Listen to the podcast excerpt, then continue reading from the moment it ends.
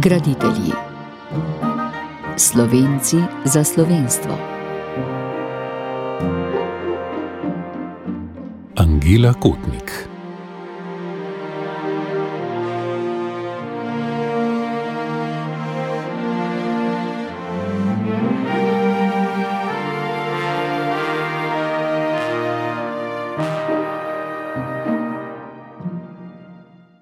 Času, ko je komunistična oblast izgnala redovnice iz javnega življenja, se je pri nas rojevala prva skupnost posvečenega življenja.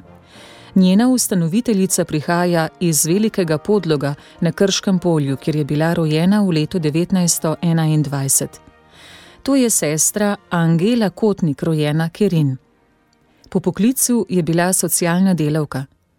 V težkih povojnih letih, ko je bila crkva preganjena, je spoznala, da je rešitev v radikalnem življenju po evangeliju, v služenju ubogim.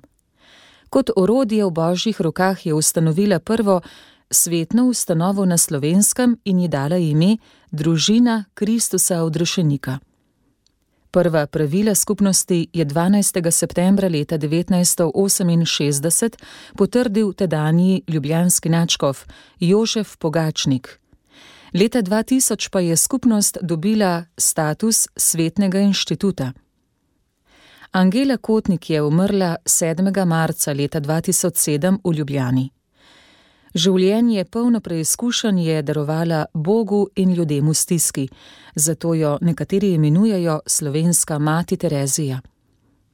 Izdala je zbirko pesmi Štirje letni časi, ki na poetičen način predstavlja njeno duhovno pot.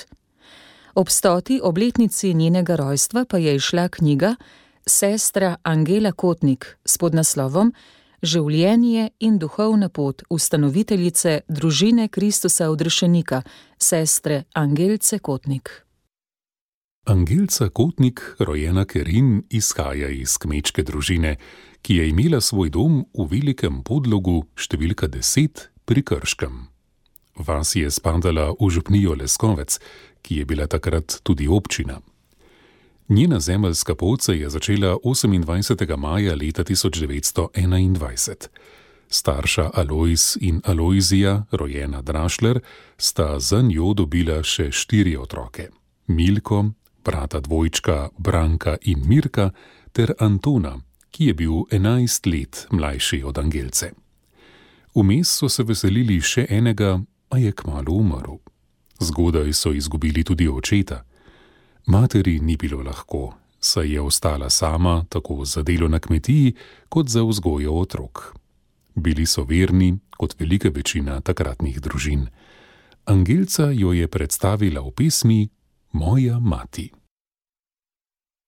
Preprosta kmečka žena, bistra, neučena, bila je moja mama.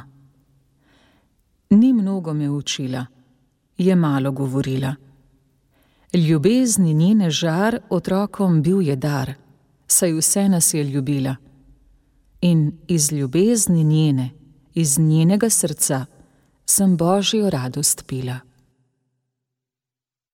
Materina skrb, dobrota in ljubezen so mlado Angelco zaznamovale za vse življenje. Enako tudi izguba očeta se je morala na hitro odrasti in ob materi veliko svojih moči nameniti mlajšim sestram in bratom. O tem je pozneje pripovedovala. Bila sem najstarejša med otroki in že to je bil najbrž začetek moje solidarnosti z mlajšimi in tistimi, ki so bili odvisni od moje pomoči. Ko mi je bilo enajst let, nam je umrl oče. To pa je še poglobilo našo stisko in prijateljstvo. V velikem podlogu so imeli ljudsko šolo, ki so jo obiskovali vsi Kerinovi otroci. Angelca in za njo tudi Milka sta z učenjem nadaljevali v meščanski šoli v Krškem.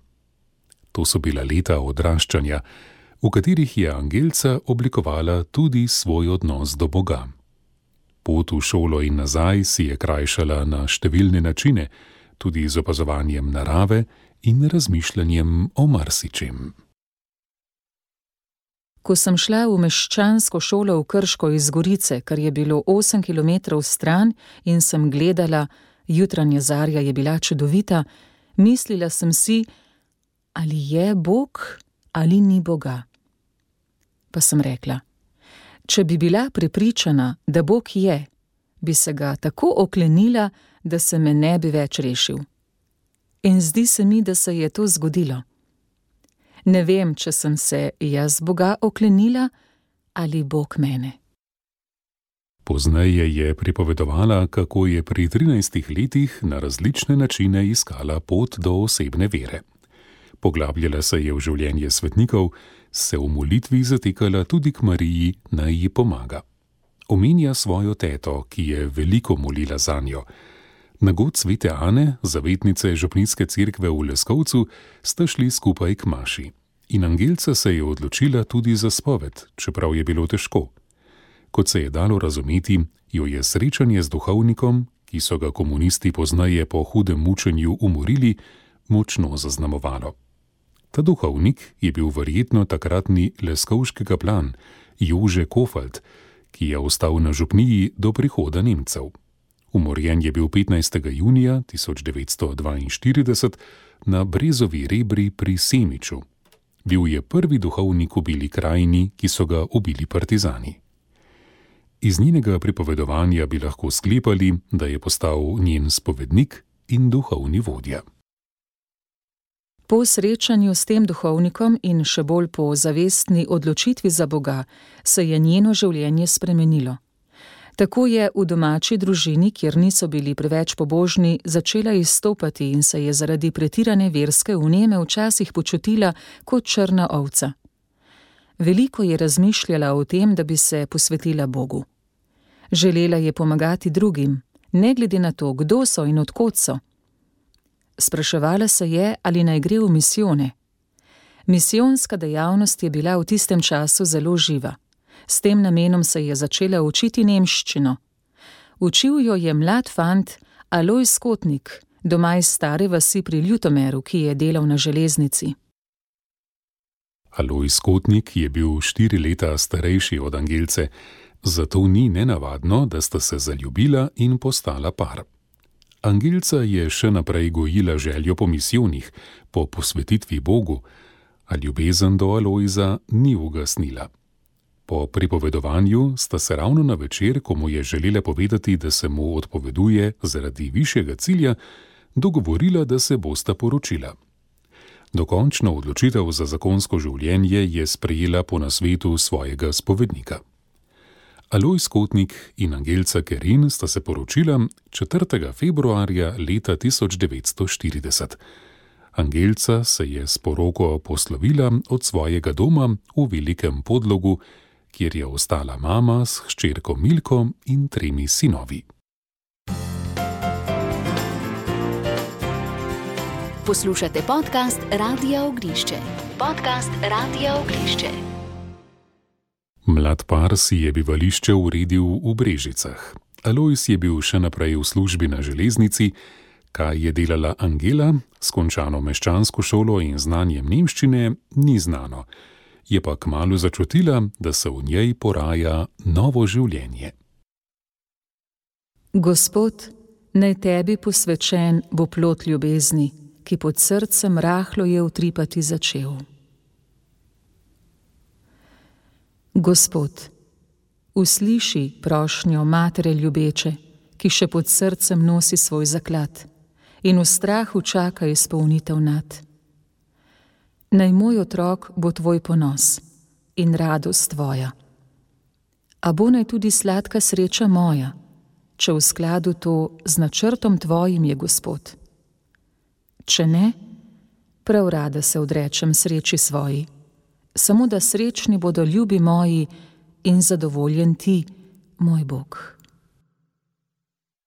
Alojs in Angela Kotnik sta dobila hčerko, ki pa je kmalo po rojstvu umrla težka preizkušnja za oba.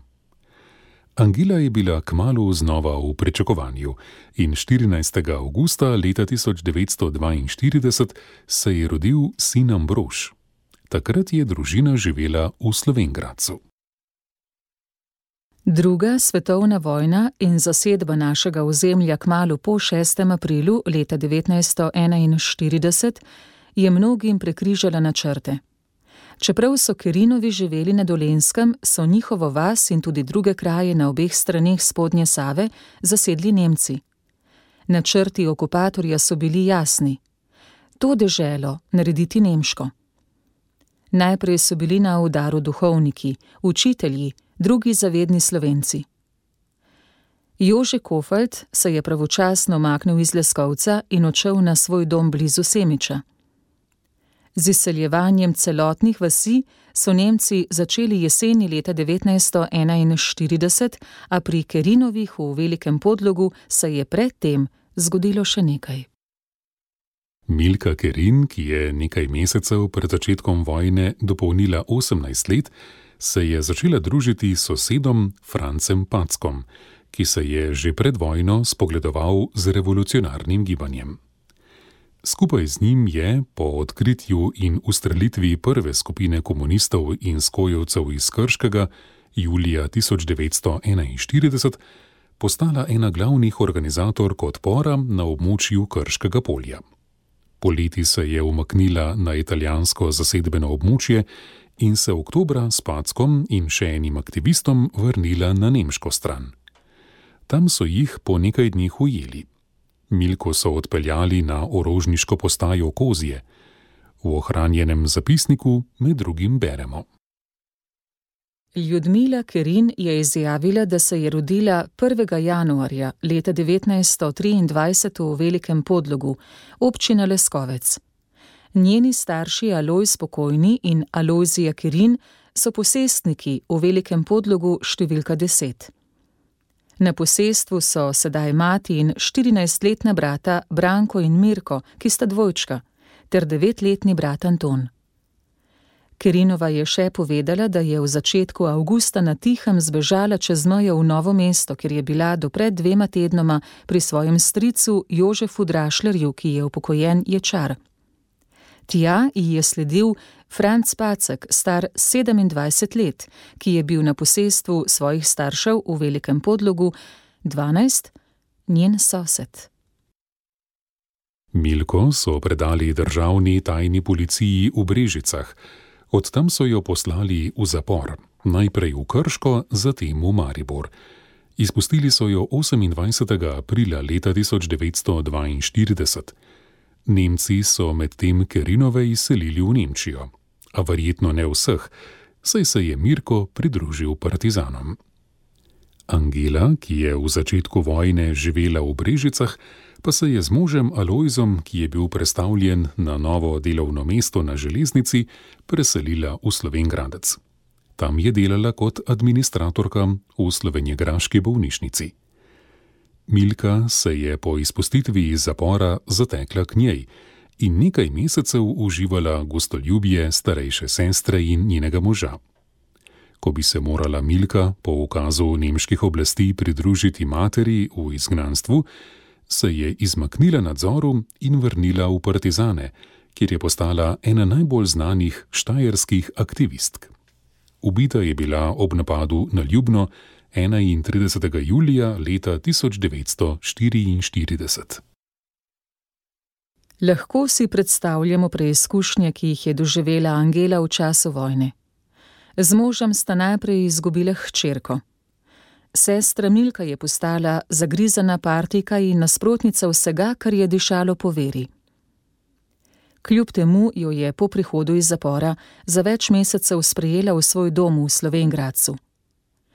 Kmalu po njenem odhodu je rodila sina Ambroža, ki je imel vrsto zdravstvenih težav. Imel je operacijo srednjega ušesa in kile. Moža Alojza so z drugimi možmi, ki so bili rojeni leta 1917, 21. junija leta 1943 upoklicali v vojsko in poslali na fronto v Alzacijo. Tam je bil ubit med bombnim napadom nekaj dni pred Božičem leta 1944. Tako je ostala v Slovengradcu sama s sinom Ambrožem in taščo Marijo Kotnik. Izgubila je tudi že omenjeno sestro Milko in brata Mirka.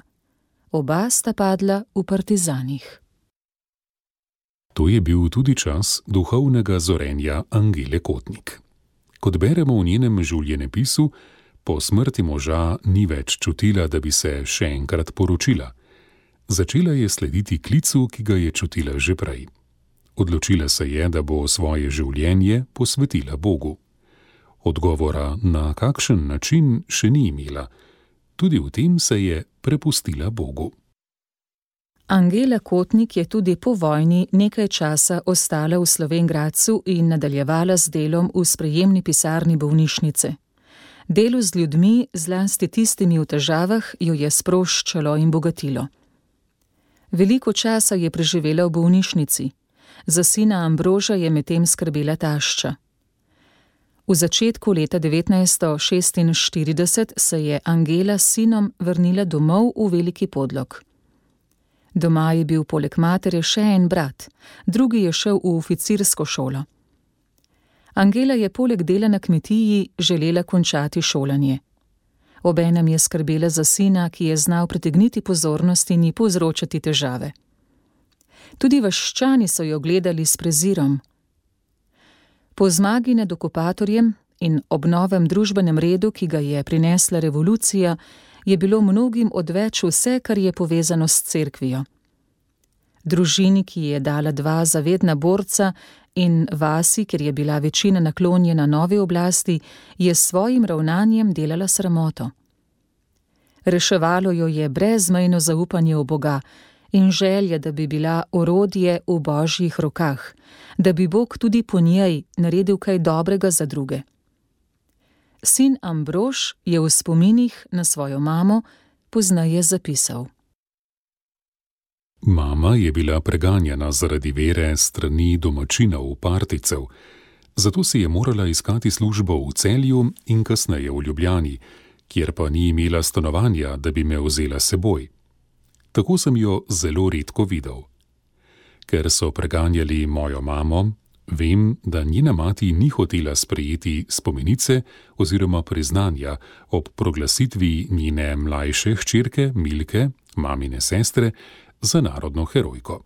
Ta naziv so ji podelili 21. julija leta 1953. Proti preganjanju tudi njen brat ni mogel ničesar doseči, čeprav je bil oficir v Titovi gardi ko pa je tistemu, ki je mamo preganjal, zagrozil smrtjo, smo imeli pred njim dokončno mir. A vrnimo se spet nazaj. Ko je bil Ambrož star štiri leta, se je med kosilom van zapodil domači pes in ga popraskal po obrazu. Tako je moral v bolnišnico v Brežice, kjer so ga zadržali precej časa. Angela je redno hodila na obiske in ob neki priložnosti začela pogovor z upravnikom. Povedala je, kaj je delala v Slovengradcu in vprašala, če rabijo uslužbenko, ki bi sprejemala bolnike in jih usmerjala, kam je treba. Tako je verjetno že pred koncem leta 1946 dobila službo, poznaje pa tudi stanovanje, kamor se je preselila z Ambrožem in taščo Marijo. V tem času je končala tudi večerno gimnazijo. Angela je imela zelo rada svoje delo. Vsi, ki so prihajali v bolnišnico, so se najprej oglasili pri njej. Vzela je osnovne podatke in jih poslala na določen oddelek. Najbolj jo je usrečevalo, da je lahko pomagala, da so imeli zares zaupanje vanjo. Sestre so ji pomagale, kjer je bilo potrebno, in tako je po začetnih težavah in brez prave izobrazbe iz prakse pridobila veliko novega znanja. Vse bolj je postajala tudi socialna delavka. Večkrat je priskočila na pomoč zdravnikom, saj si določenih težav pri bolnikih niso znali razložiti. Angeli pa so tisti, ki so potrebovali pomoč ali se znašli v stiski, včasih zaupali veliko več kot zdravnikom.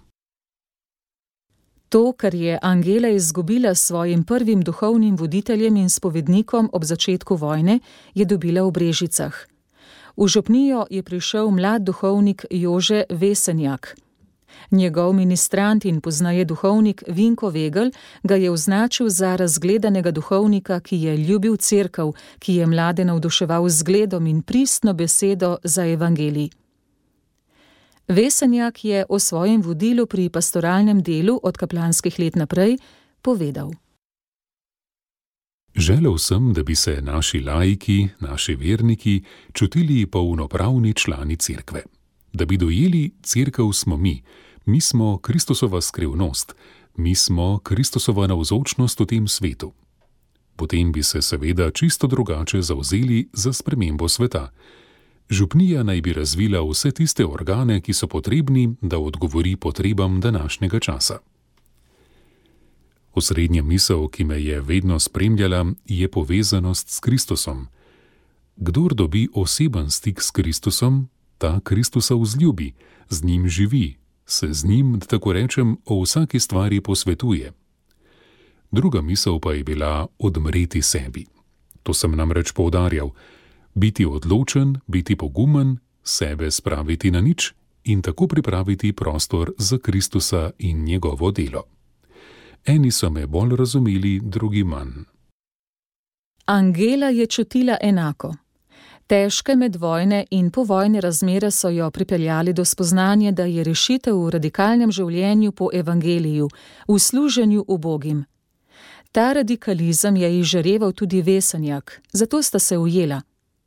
Vesenjak je z njeno pomočjo začel zbirati dekleta, ki so se želela duhovno poglabljati in okrepiti svojo vero. Na skrivaj so se zbirali v njihovih domovih, saj je oblast budno pazila, ki je in s kom se srečuje duhovnik. Jože Vesenja, ki jih je prosil naj posebno pozornost namenijo mladim materam, ki se v stiski zatekajo k splavu. Želel je, da jim po svojih močeh pomagajo in jih odvračajo od splava. Med dekleti, ki so se pri tem delu povezale, so bile poleg Angele Kotnik še Slavica Petrič in Neža Zorko, vse tri so postale del nastajajoče laične skupnosti, ter Ivanka Ferenčak in Slava Ivančič. Skrb za ta dekleta je postala ena njihovih osnovnih nalog. Sestra Slavica Petrič je poznaje pripovedovala. K sestri Angelci so prihajale dekleta, ki so bila noseča in so hotele narediti splav. Sestra Angelca je to preprečila. Nam je rekla: Koliko daš lahko od svoje plače za dojenčka, da poskrbiš, da ne bo umrl? Bile smo vse v službi in smo skromno živele.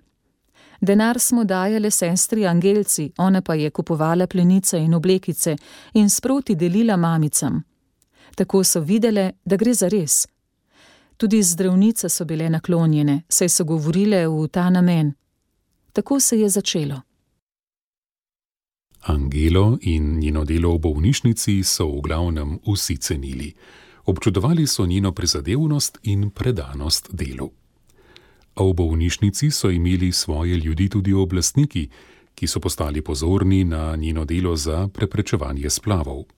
Namerno so ji podtaknili dekle, ki je prišla na pogovor glede splava. Naročili so ji, da si mora vse zapisati in povedati, kaj sta govorili. A namesto, da bi jo izdala, je Angeli povedala, kaj so zahtevali od nje. Ljudje so potrebovali tudi druge oblike pomoči, zlasti duhovno oskrbo. Angela je hitro odkrila tiste bolnike, ki bi želeli prejeti sveto obhajilo. V zgodnjih jutranjih urah je na skrivaj pripeljala v bolnico gospoda Vesenjaka, ki je prinesel obhajilo določenim bolnikom in jih tudi spovedal, če so želeli. To njeno delo ni ostalo neopaženo, zato je bila leta 1951 kazensko predstavljena v celje.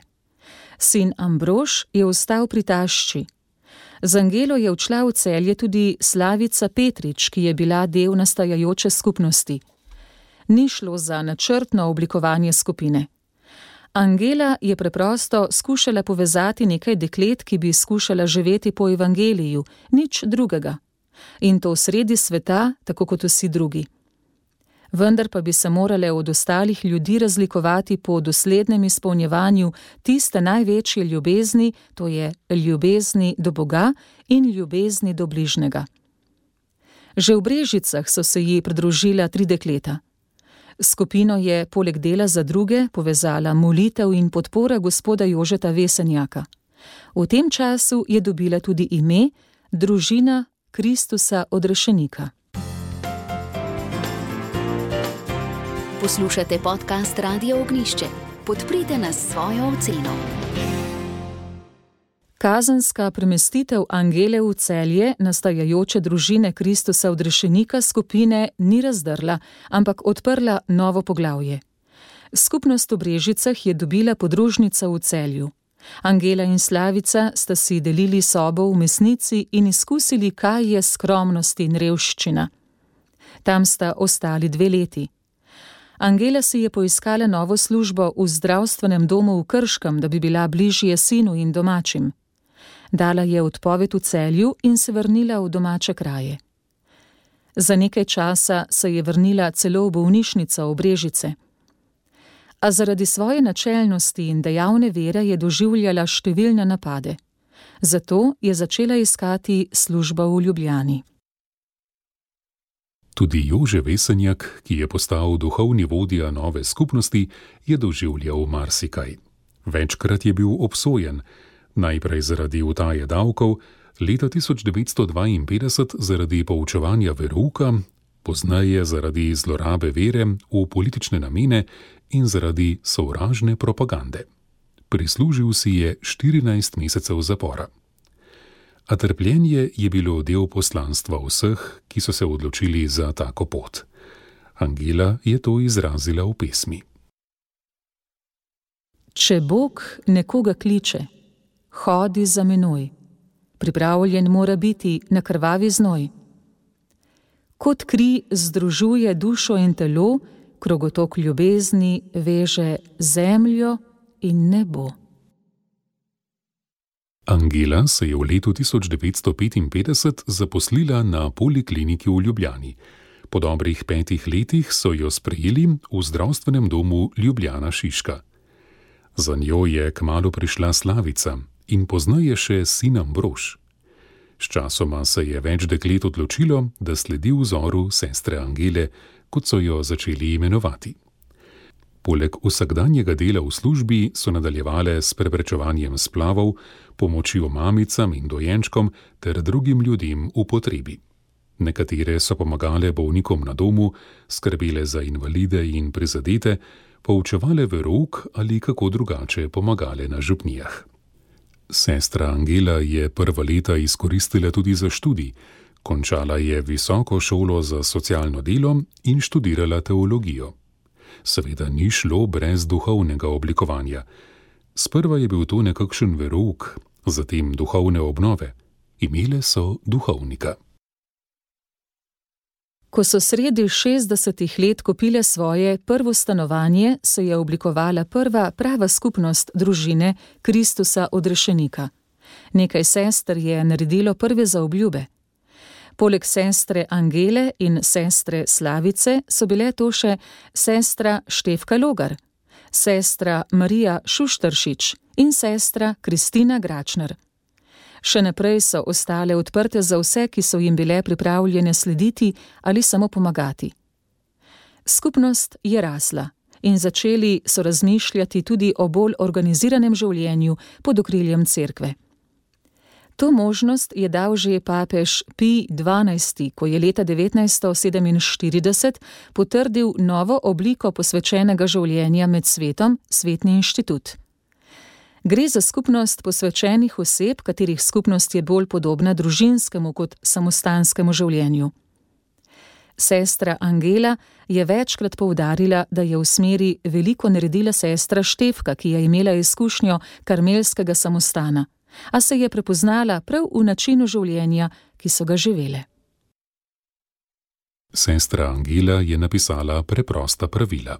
Njihovo glavno vodilo je postal evangelij, najvažnejša metoda dela pa ponižno in potrpežljivo izkazovanje ljubezni in dobrote. Sestre družine Kristusa odrešenika živijo med svetom.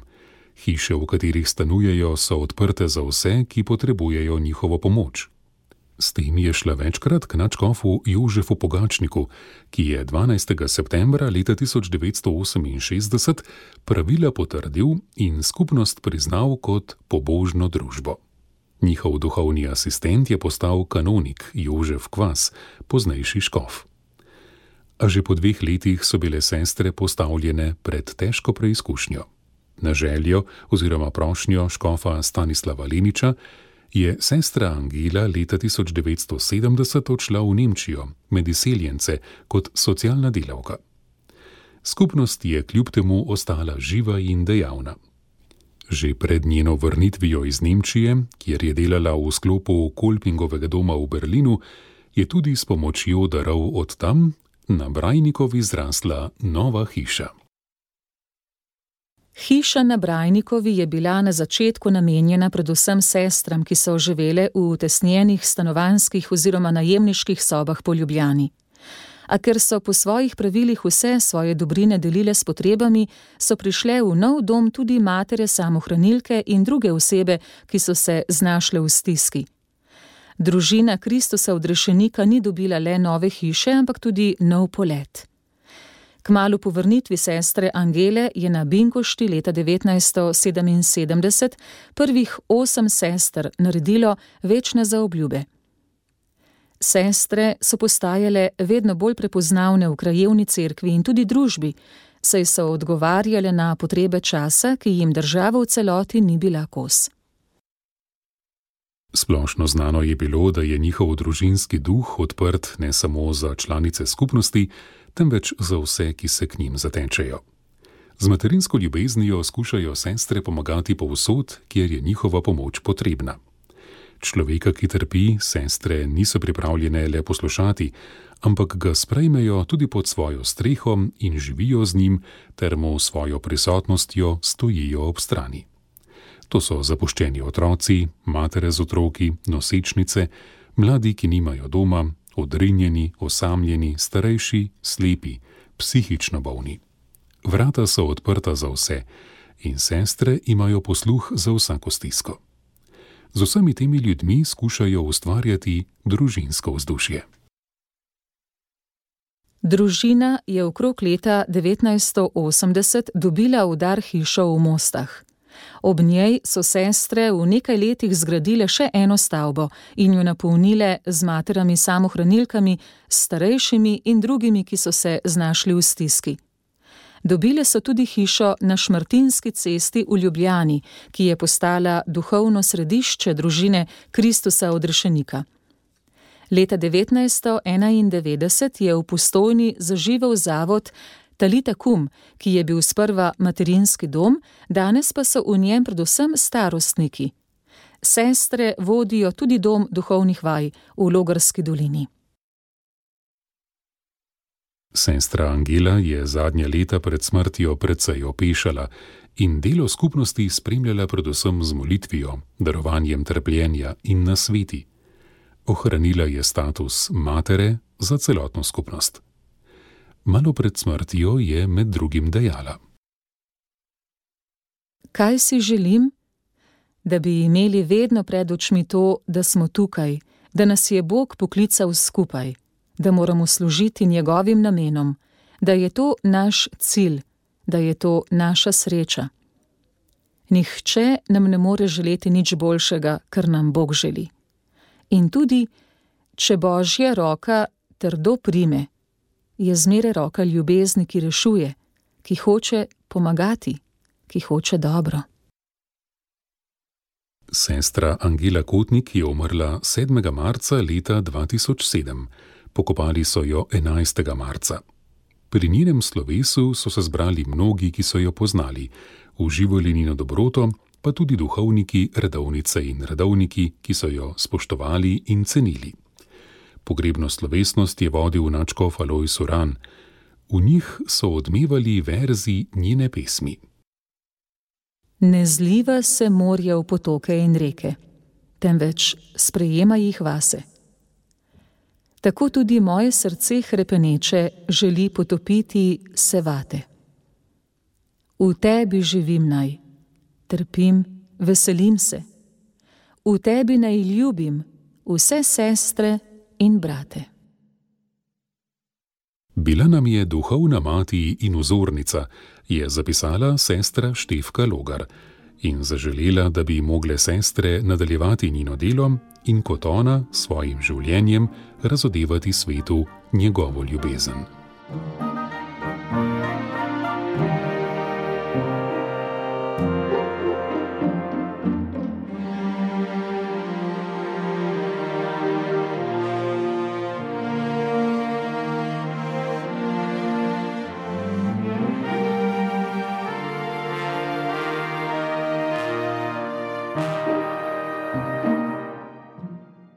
Oddajo o sestri Angeliki Kotnik, ustanoviteljici družine Kristusa odrešenika in s tem prvega svetnega inštituta pri nas, je pripravil Tone Gorjub.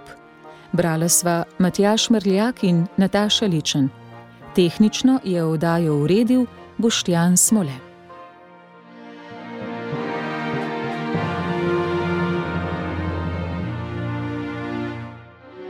Hvala, da ste poslušali našo oddajo. Podprite nas in postanite prijatelj Radia Ognišče. Veseli bomo vaše pomoči.